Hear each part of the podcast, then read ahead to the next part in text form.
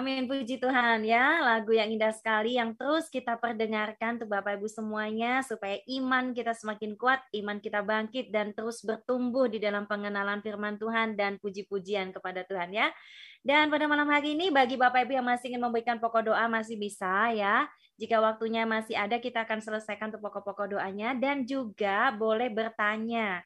Boleh konseling, boleh bertanya ya ada beberapa pertanyaan yang sudah saya lihat sudah masuk ya, dan juga pokok-pokok doa yang sudah masuk. Jadi Bapak Ibu juga bisa melayani juga bersama kami ya. Kita doakan yang lainnya. Seperti tadi Ibu Erlin ya, mengucapkan terima kasih buat kita semuanya yang turut mendoakan ya.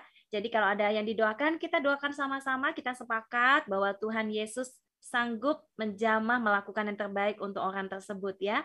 Dan yang kedua Bapak Ibu bisa sharekan link. Bersaksi ya bahwa ada acara siaran live kesembuhan Healing from Heaven yang disiarkan secara live ya dan sekarang sudah volume yang ke-44 ya dan puji Tuhan kita semuanya boleh tetap setia melayani Tuhan ya. Oke, saya undang kembali untuk Pastor Daniel. Kita akan langsung masuk ya di dalam pertanyaan-pertanyaan dan juga ada pokok doa yang akan kita bahas malam hari ini ya. Baik. Ya, Pastor Daniel, ini ada yang bertanya ya. Ini yang masuk ke WhatsApp dulu ya. Ada seorang bapak ya yang mengalami masa lalunya ini begitu gelap. Begitu gelap, kemudian ya jatuh dalam dosa yang mengerikan begitu menurut dia ya. Dan dia bertanya, ada ayat firman Tuhan ya yang di dalam kitab saya bacakan ya Bapak Ibu dan untuk Pastor Daniel di Mazmur 38 ya ayat yang ke-8 dan 9 ya ayat 38 ya. Sebab pinggangku penuh radang tidak ada yang sehat pada dagingku. Nah dia bertanya ya mohon pertolongan Pastor Daniel. Saya bisa merasakan apa maksud dari Mazmur Daud? Sebab pinggangku penuh radang tidak ada yang sehat pada dagingku. Akibat dosa yang begitu besar punggung saya sakit sekali seperti perkataan Daud. Jadi Bapak ini ketika ini sudah bertobat dan sedang sekarang sedang uh, terus ya untuk mencari Tuhan dan pemulihan, meminta bantuan doa, ada sakit. Ada sakit-sakit yang dialami begitu ya. Nah, ini juga berkata seperti ini, apakah ini maksudnya gitu ya? Mungkin bisa dibantu memberikan, bisa di-unmute dulu? Ya. Di Bapak, yang maksud daripada ayat ini yaitu doa pada waktu uh, Daud sakit. Dan saat Daud kan bergumul dengan dosa-dosanya juga. Hmm. Sebenarnya Tuhan uh, Daud itu berbicara bahwa ketika seseorang berbuat dosa, ingat ya kondisinya ini pada waktu dia berbuat dosa. Ketika seseorang berbuat dosa itu akibatnya sangat mengerikan. Contoh kalau kita berbuat dosa, kita berbuat salah, satu hari itu kan tidak enak kan Mm-hmm. Kan nggak enakan sama orang aja satu hari satu hari aja sudah nggak nyaman, nggak enak, nggak bisa yeah. senyum, nggak bisa makan gitu ya. Apalagi berbuat dosa. Salah satu kita ini ciptaan Tuhan, kita ini rindu untuk memuliakan nama Tuhan, kita ini rindu untuk menyenangkan Tuhan, tapi kita nggak bisa. Karena apa? Karena manusia itu terdiri dari daging. Oleh karena itu hanya Tuhan yang mampu memampukan kita untuk tidak berbuat dosa. Nah, oleh karena itu ini apa yang dialami Daud itu karena dia waktu itu berbuat dosa dan akibat daripada dosa itu sakit penyakit dan sebuah perasaan yang sangat tidak nyaman dan dalam tanda kutip apa pun tidak nyaman. Orang yang berbuat dosa, uh, sorry, ada luka atau borok sedikit, dia sudah tidak nyaman sekali. Hati nuraninya udah tertuduh. Jadi borok yang orang lain pandang aduh cuma segitu biasa. aja kok biasa. Tapi yang dialami itu kayak begitu berat rasa kayak tertuduh gitu ya. Nah, seperti itu. Tetapi ketika kita sudah di dalam pertobatan bukan hmm. Tuhan berkata bahwa Tuhan adalah setia dan adil yang mengampuni dosa-dosa kita akibat dosa tetap ada. Ya tetapi kita sudah ditanggung oleh kematian Kristus di kayu salib Tuhan akan menanggungnya bersama-sama dengan kita. Oleh karena itu yang uh, orang bertobat apakah dosa itu masih ada dosa itu sudah tidak tinggal ketika kita bertobat tetapi akibat dosa contoh dulu kita ini suka narkotik misalnya mm-hmm. seperti itu efek di tubuh masih ada pasti Tetapi dalam tanda kutip, walaupun kita bertobat, efek di dalam tubuh masih ada. Tetapi dalam tanda kutip, Tuhan akan memberikan kekuatan kepada kita. Tuhan yang akan menyelesaikan buat kita.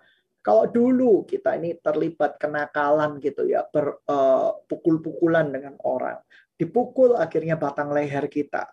Nah, setelah bertobat, apakah uh, efek daripada pukulan itu tidak ada? Enggak. Banyak orang yang ketika masa lalunya nggak baik, uh, efeknya masih pusing, masih tidak baik, walaupun dia sudah bertobat. Tetapi bersama dengan Tuhan, kita akan sanggup melewati semuanya itu. Amin ya untuk Bapak yang memberikan pertanyaan ini. Terus cari Tuhan ya. Setia mendengarkan juga Healing from Heaven ya. Nanti bisa terus mencari Tuhan dan dipulihkan total. Amin ya. Baik, ada pokok doa ya. Kita sambil pokok doa dan juga pertanyaan ya dari Ibu Setiawati 83 tahun ya di Madiun. Eh, kesembuhan di telapak kaki yang sakit tidak bisa berjalan. Tolong bantu doa juga besok mau ke dokter dan cocok sehingga bisa mengetahui sakitnya apa begitu. Ya, Uh, Ibu Setiawati, hambamu berdoa di dalam nama Tuhan Yesus Kristus, sakit penyakit di telapak kakinya dipulihkan, disembuhkan sama Tuhan. Dalam nama Tuhan Yesus Kristus, Tuhan jamah, haleluya, amin. Ya.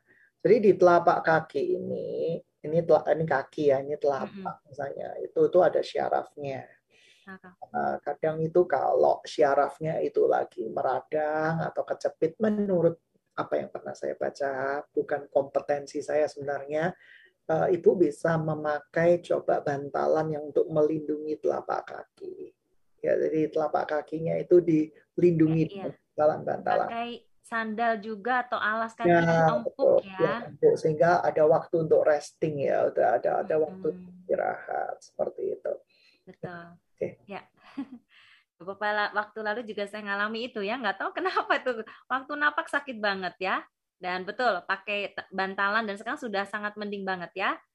Oke, puji Tuhan ya. Ya namanya kita hidup di bumi ya Bapak Ibu ya. Segala macam penyakit saraf ya, kemudian tubuh kita ya.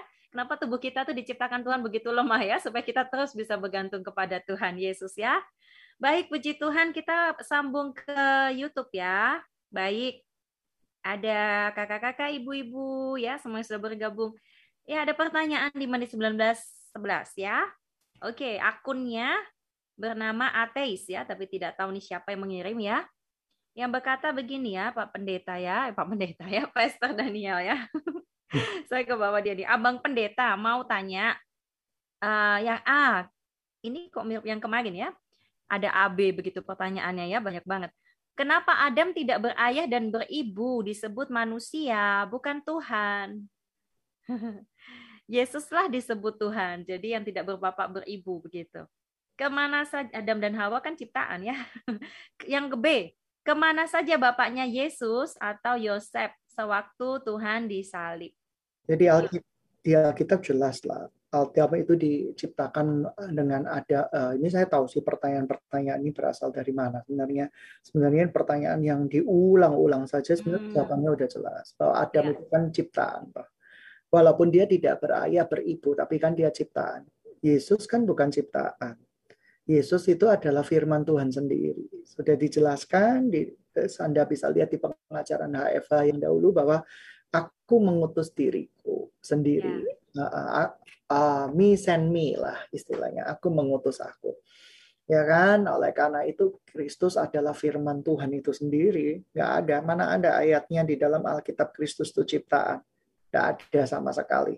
Oleh karena itu saya percaya bahwa Adam itu tidak bisa disebut Tuhan, wong dia ciptaan. Hmm, Kristus hmm, adalah Tuhan.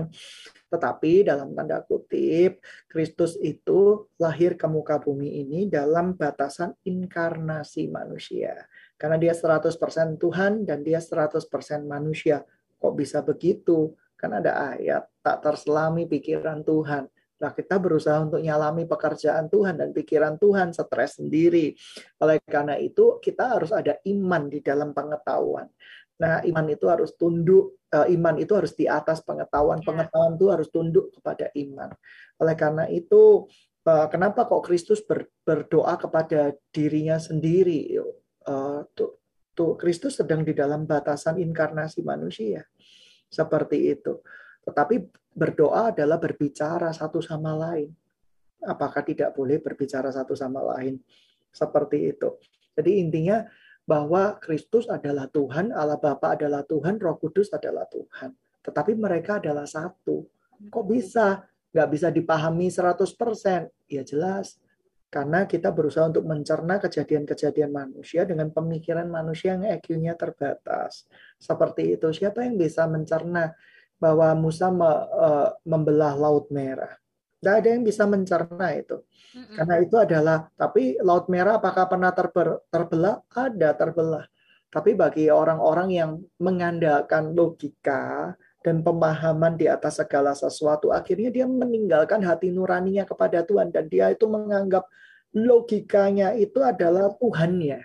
Hmm. Karena itu teliti-teliti, oh ini Laut Merah ini bisa terbelah karena angin dari timur, angin dari barat, karena kekuatannya, kecepatannya sekian pada saat itu, maka orang Israel bisa jalan. Jadi ini bukan karena Tuhan ini, ini karena angin.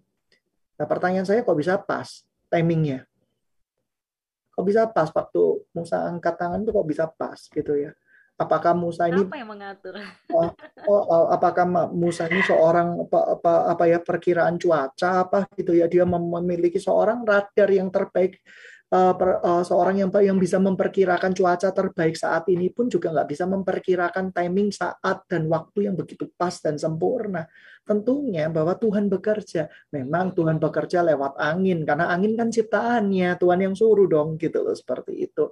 Jadi intinya bahwa ada orang yang mengandalkan otaknya dan itu berusaha untuk meracuni orang-orang yang lemah imannya. Hmm. Oh, iya ya, itu angin ya, berarti bukan karena Tuhan dong. Akhirnya kita nggak percaya adanya Tuhan. Nggak lucu kan? Kejadian kita ini besar dan ajaib kata-kata Tuhan. Bagaimana kita bisa saling bertemu, ya uh, temu di Zoom ini bersama-sama. Nah, ada orang yang berusaha untuk menghitungnya dengan logikanya. Namanya teori kesempatan gitu ya seperti itu. Jadi ada teori wah probabilitasnya seperti ini, tapi kok bisa pas? Kok ada orang-orang yang punya permasalahan kok ya pas mendengarkan. Siapa yang bisa mengatur itu? Ya Tuhan. Ya. Tadi pertanyaan kedua, Pak? Pertanyaan kedua, di mana saja Yosef ya atau Yusuf? Siapa? Ya, di mana Yusuf pada oh, waktu ya, Yesus Tuhan disalib? Sorry, saya ingat Bukan Yosef anak gereja ya. Yosef anak gereja nggak tahu lagi doa atau apa tuh ya.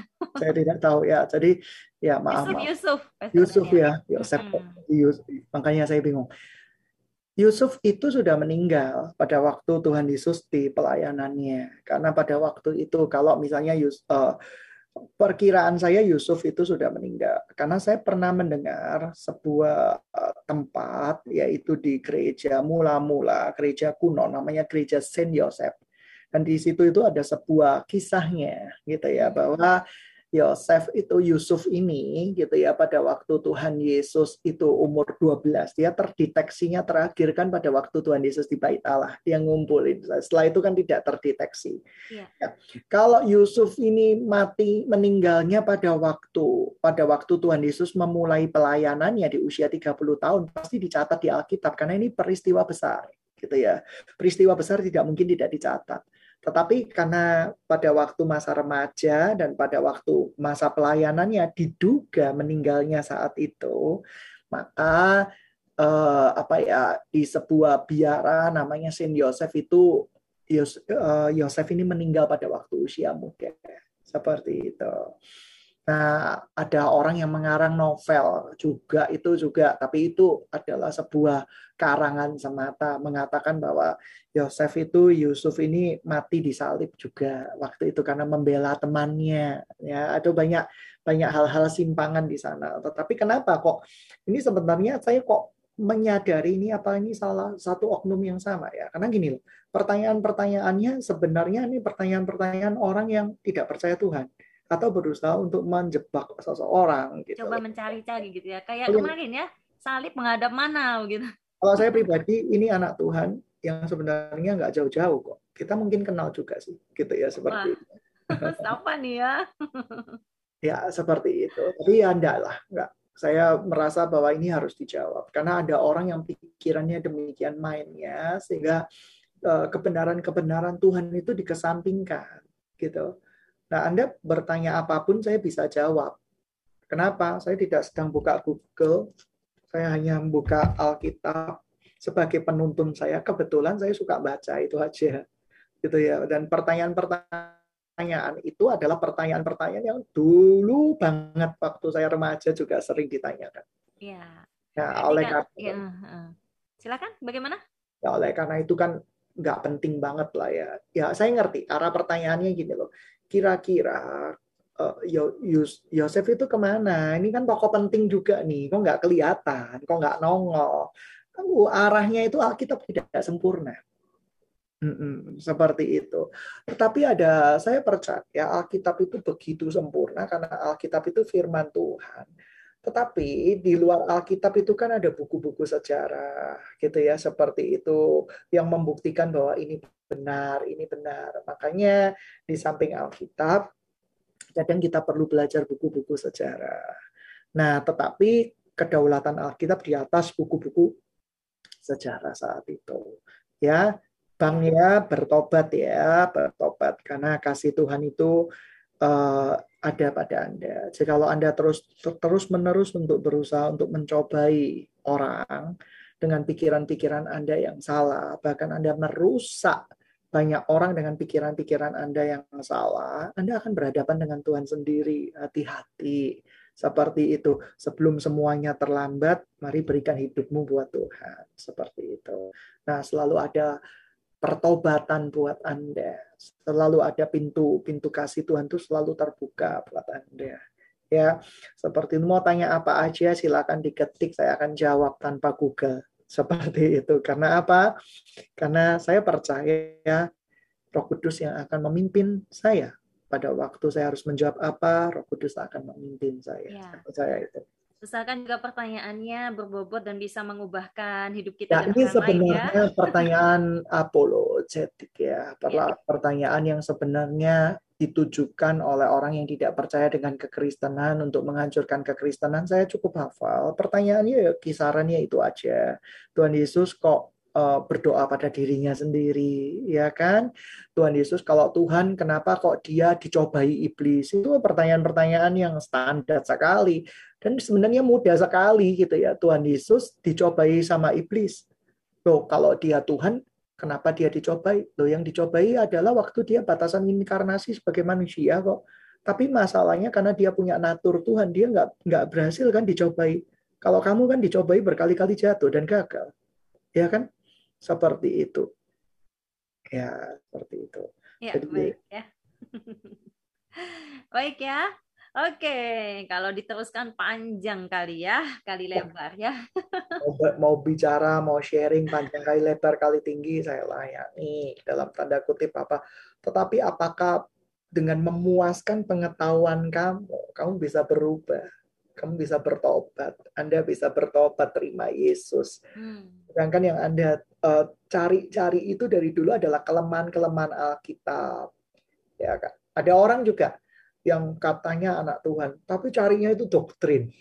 Oh. Doktrin ini yang paling benar, doktrin ini yang paling oh, benar. Begitu. Setiap orang khotbah itu dicek dulu. Kata-katanya ada satu dua disalahkan.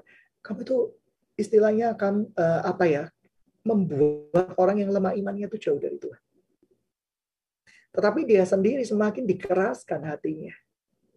Dan hati-hati, penghukuman dan penghakiman terakhir itu ada. Tapi mungkin kasusnya berbeda ya. Saya berbicara orang yang berbeda, oknum yang berbeda. Ya, oke ya, banyak ya memang ya hmm. orang yang seperti itu di luar sana ya. Oke. Baik, kita lanjutkan kembali ya dari Pak Harlin ya, Sidoarjo yang berdoa untuk mata kataraknya supaya bisa beraktivitas lagi.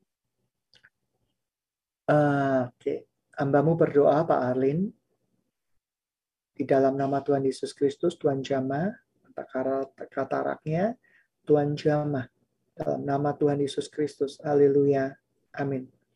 Pak Alin, kalau misalnya dalam waktu dua bulan kataraknya belum sembuh, tiba-tiba sekitar 3 sampai 5 minggu mungkin Pak Arlin mendengar berita tentang operasi katarak gratis. Patut dicoba. Oke. Okay. Oke, okay, ya, ya. lanjutnya. Kadang memang mungkin kalau katakan ada yang memang butuh ya seperti Ibu Erlin tadi ya yang dioperasi ya. Ada yang dioperasi juga gagal banyak. Oh iya iya. iya. Oleh karena itu peranan Tuhan tuh kencang. Saya banyak menyaksikan ada orang yang gagal operasi banyak sekali wes hmm. sudah dan kalau itu gagal gimana mas, masih tetap tetap tetap kabur. Tetap, sama, gitu. tetap hmm. kabur. Oleh karena itu kan dalam tanda kutip Tuhan turut bekerja dalam segalanya. Kamu pikir bahwa ketika kita mengandalkan pengetahuan kita uh, di operasi katarak itu ada pasti 100% berhasil? Oh, belum tentu. Saya banyak melihat orang yang gagal juga seperti itu, ya. walaupun ditangani dengan alat yang terbaik sekalipun. Hmm, hmm. Karena itu keberhasilan salah satunya adalah karena kemurahan Tuhan, tapi juga ada yang merupakan sebuah kekreatifan Tuhan ya. Jadi lucu ada orang yang kayak kanker itu pergi check up gitu ya semuanya kalau nggak salah CAA semuanya membuktikan dia tumor dia apa mau kemo gitu ya seperti itu. Kemo sekali kemo sekali gitu ya padahal dokternya misalnya menyuruh 40 kali dia kemo sekali gitu ya seperti itu. Sudah tidak kuat gitu ya seperti itu. Eh, tiba-tiba sembuh.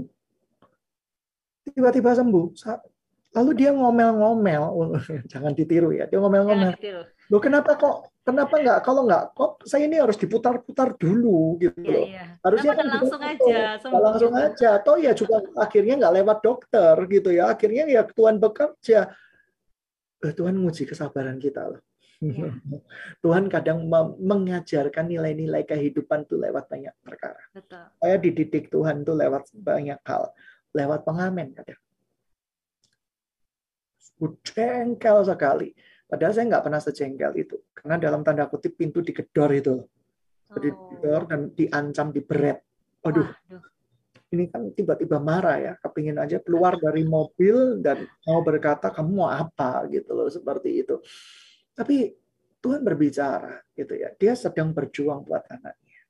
Dalam tanda kutip dia sedang memperjuangkan anak-anaknya.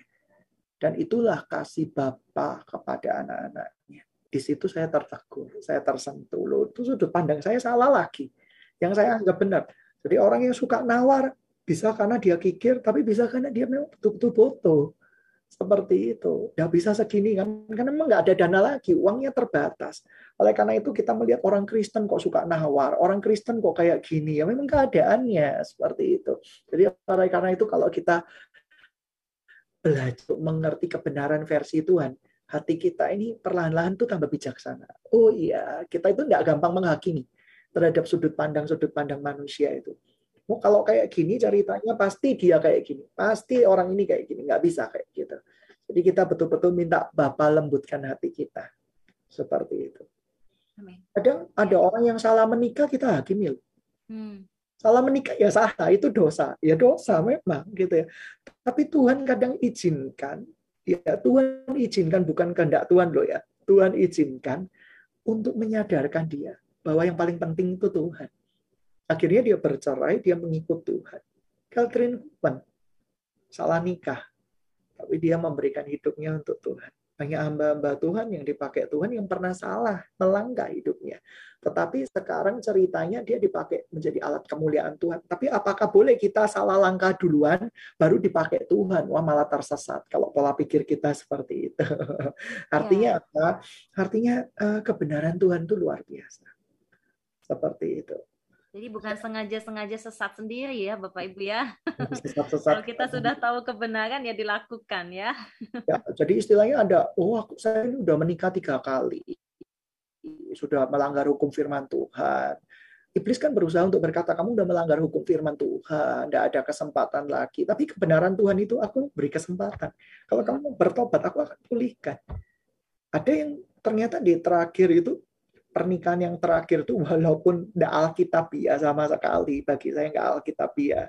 Karena harusnya kembali ke yang lama gitu ya seperti itu. Tapi Tuhan pulihkan semuanya. Nah itu kan cara yang nggak terbatas pikir yeah. saya. Pikiran saya adalah firman Tuhan itu seperti ini. Memang firman Tuhan itu nggak boleh orang tidak boleh menikah lagi tidak boleh begitu. Tetapi dalam tanda kutip di balik kesalahan besar seorang manusia selalu ada pengampunan yang besar dari Tuhan juga. Nah, oleh karena itu kita nggak bisa klaim kalau cara hidup kita seperti ini, pasti kita rusak. Kalau kita dididik seperti ini, kita akan hancur. Saya dididik keras loh. Tapi ya puji Tuhan. Tuhan lembutkan hati saya.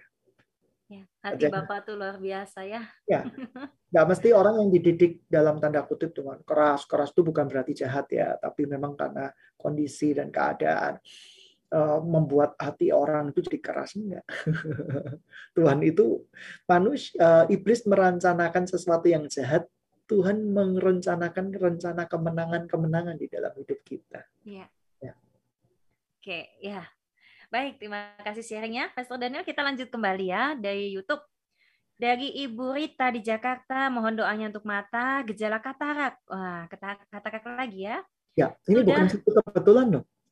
Ya kan, satu momen katarak semua. Bagaimana iya. Tuhan bisa ngumpulin? Apakah ini rekayasa? Apakah ini teori kemungkinan? Nah, ini Kak Maria juga katarak ya. Tadi siang Mama mantu udah operasi katarak dalam pemulihan. Nah, minta bantuan doa katarak juga ya. Iya. Baik, nanti kita doakan ya. Kenapa? Hmm. Ya, saya berkata, inilah yang saya sebut mujizat. Pernah enggak di satu di HFH, semuanya pada asam lambung? Iya. Enggak rencana kalau COVID masih bisa dipahami karena memang ya, waktu itu COVID. Oh, pandemi berat kan. Ya. Itu. Tetapi kan dalam tanda kutip ini Loh, siapa yang merencanakan? Tuhan. Ada orang yang uh, ada Ibu Erlin disembuhkan, dia bersaksi. Ini katarak, katarak, katarak, katarakan semua kan seperti itu. Tujuannya apa? Untuk melihat, oh ini loh, ada kesaksian, ada nilai-nilainya. Apa yang bisa kita pegang? Loh, itu Tuhan dahsyat loh. Iya, Tuhan mengajar lewat situ ya. Saya kadang melihat chat-chat itu ya merinding semua. Kok bisa ya? Kok bisa kok berdepatan? Kalau nanti patah tulang, patah tulang semua. Beneran? Aduh. Oke ya, kayak kayak ingat dua hari lalu ya, patah ya. tulang ya. Ya, waktu itu uh, saya sebenarnya tidak dapat vision seperti itu. Saya ketika berdoa di dalam nama Tuhan Yesus Kristus angkat tangan. Lah kan tiba-tiba saya sepersekian setik sadar. Sisi manusia saya sadar. Iya orang patah tulang kok saya suruh angkat tangan gitu ya seperti itu. Tapi terjadi sesuai imannya. Iya. Ya, angkat tangan kan, angkat tangan dan jatuh dari pohon seperti Sakeus. Setelah ini soalnya cari signal dia, cari ya. signal di atas pohon ya. katanya. Pakai satu signal. tangan mungkin ya. Pakai satu tangan atau apa? Mungkin pada waktu itu dia lagi rangkul, ya. dia lihat seperti itu, suruh angkat tangan, dia spontan, angkat tangan ya. dua-duanya spontan jatuh dah, gitu ya seperti Aduh, ya patah tulang malah jatuh. jatuh. Nah ini ada orang yang skip this tuh kayak gini. Jatuhnya itu kebetulan tepat ada teori kemungkinan makanya balik lagi Loh, oh, siapa yang bisa memposisikan itu gitu loh. Kan sering kali manusia ini logika ya kan. Iya, iya, iya. Memberikan logika, oh ya kebetulan aja itu kebetulan. Kok kebetulan kok berkali-kali gitu ya seperti itu. Siapa yang dahsyat yang bisa mengatur kejadian seperti itu untuk menjadi alat kesembuhan itu siapa? Mm-mm. Bukankah Tuhan Yesus seperti itu? Ada orang kesaksian. Mm. Ongkok. Saya itu teringat, tapi itu sebenarnya kesaksian sudah lama itu dari seorang penginjil di pedalaman sebenarnya seperti itu. Penginjil di pedalaman ada seorang bongkok. Nah orang ini nggak percaya gitu ya sama kuasa Tuhan, nggak percaya sama kuasa Tuhan. Satu kali gitu ya eh, penginjil ini nggak ada waktu untuk mendoakan dia, sama sekali nggak bisa mendoakan dia. Satu hari hari hujan kan seperti itu, tiba-tiba petir, der seperti itu. Dia lagi manjat pohon, ya hmm. tinggi, manjat pohonnya tinggi kali itu dan putus pohonnya dan dia jatuh di tepat di bongkoknya dia. Ya. Pingsan tapi kembali lurus. Didoakan sama penginjil ini, dia bertobat dan akhirnya uh, satu kampung bertobat. Itu kisah dulu yang waktu saya sekolah minggu saya pernah mendengar kisah seperti itu. Dan ternyata kejadian juga gitu. Tapi ini bukan petir ya, seperti itu. Ya, ya. Mengikuti saran seorang hamba Tuhan yang juga nggak nyadar kalau kadang kita doain itu baru gini loh uh, apa ya anda stroke oh ya seperti itu angkat tangan gitu ya spontan aja gitu ya spontan dia juga spontan kelihatannya Pastor Daniel ya penuh iman dan ketaatan ya oleh karena itu kan membuktikan bahwa kesembuhan itu bukan karena saya, iya. tetapi karena kedaulatan Tuhan. Hanya saja Tuhan bekerja lewat mulut, bibir, lidah, gitu aja. Oke, okay, silakan. baik ya. Oke, kita lanjut kembali yang ada di YouTube ya setelah uh, tadi Saudara sudah didoakan Ibu Rita ya untuk Ibu mata Rita. gejala katarak kurang jelas ya. Dalam nama Tuhan Yesus Kristus Ibu Rita dijamah Tuhan kataraknya gejala katarak disembuhkan Tuhan. Dalam nama Tuhan Yesus Kristus sembuh. Amin. Amin. Selanjutnya dari Ibu uh, Kak Yuliana ya. Uh, mohon doanya begini. Nafas saya nggak bisa plong, nafas pendek, apalagi kalau nguap ada miom di rahim saya, Pastor sempat empat bulan lalu saya keguguran hamil empat bulan. Terus dia juga cerita apalagi ya ini ini ada di beberapa chat ya kalau nggak salah Kak Yuli ya. Oke, begitu ya. Mungkin bisa didoakan dulu nggak apa-apa Pestek yang itu. Ya pegang uh, pegang tangannya di rahimnya ya di bagian mium itu. Sekarang tumpang tangan di layar bersama-sama dengan saya pegang tarik nafas dalam. Dalam nama Tuhan Yesus Kristus, terima pemulihan, kesembuhan dari Tuhan Yesus Kristus, mium, dan semua gejala-gejala yang ada. Tuhan, di mana yang mungkin indung terudnya juga bermasalah, Tuhan, yang kandungannya mungkin melorot juga, Tuhan. Tuhan jama di dalam nama Tuhan Yesus Kristus, Kasih setia Tuhan bekerja, kasih Tuhan memulihkan. Tuhan Yesus berkuasa. Dalam nama Tuhan Yesus Kristus kami berdoa dan mengucap syukur. Haleluya. Amin. Amin Yesus. Tuhan tolong ya. Baik, dari oh ya Ibu Rita juga berdoa juga untuk rumah di Bu di BSD ya di di Banten atau Tangerang ya. Bumi Serpong mungkin. Iya, iya itu dengan harga yang sesuai dan waktu yang sesuai, prosesnya tidak lama. Ya, dari Ibu Rita juga ini ternyata ya. Dalam nama Tuhan Yesus Kristus, Tuhan jama untuk rumah sehingga bisa mendapatkan harga yang baik buat kedua belah pihak. Kasihmu menjama, kasihmu mengubahkan, kasihmu memulihkan. Dalam nama Tuhan Yesus Kristus, haleluya, amin dari Kamaria Kandokang ya. Salam, selamat malam ya. Shalom untuk Kamaria ya. Selamat bergabung di Healing from Heaven ya. Mau dukungan doa tadi siang mama mantu udah operasi katarak. Dalam masa pemulihan selanjutnya tetap sehat. Itu pokok doanya ya. Hambamu berdoa buat yang sehabis operasi, dilancarkan operasinya sehingga kataraknya bisa sembuh sempurna. Dalam nama Tuhan Yesus Kristus. Amin. Amin. Dari Kak Amos Endi ya, mohon doanya Pastor Daniel, saya sakit sariawan sudah satu minggu, hampir satu minggu. Ya, banyak minum vitamin C, mungkin ya, seperti itu jaga kesehatan mulut, berkumur dengan baik. Ya. Di dalam nama Tuhan Yesus Kristus, sakit-sakit yang ada di sariawan, sariawan sembuh Tuhan dalam nama Tuhan Yesus Kristus. Jamur-jamur di mulutnya dijamah disembuhkan Tuhan dalam nama Tuhan Yesus Kristus. Haleluya. Amin. Amin. Kak Borlalo Parente ya, Shalom puji Tuhan, terima kasih doanya Pastor Dania. Mohon doakan sembuh total dari sakit lambung dan berat badan bisa kembali stabil atau naik. Tuhan, kesembuhan lambung secara sempurna, berat badannya bisa stabil, naik Tuhan. Dengan kasih Tuhan Yesus dalam nama Tuhan Yesus Kristus. Haleluya. Amin. Ya, satu pokok doa lagi dan kita memuji Tuhan lagi ya, Bapak Ibu Saudara. Mohon doakan dari uh, Ibu Rita untuk temannya bernama Els masuk rumah sakit yang ketiga kali pasca sembuh dari COVID. Uh, diagnosa dari dokter kena Alzheimer ya, sering marah, teriak, kesadaran turun sehingga dimasukkan ke rumah sakit lagi. Juga ada gangguan ginjal. Namanya siapa ini? Ibu Els Halim ya.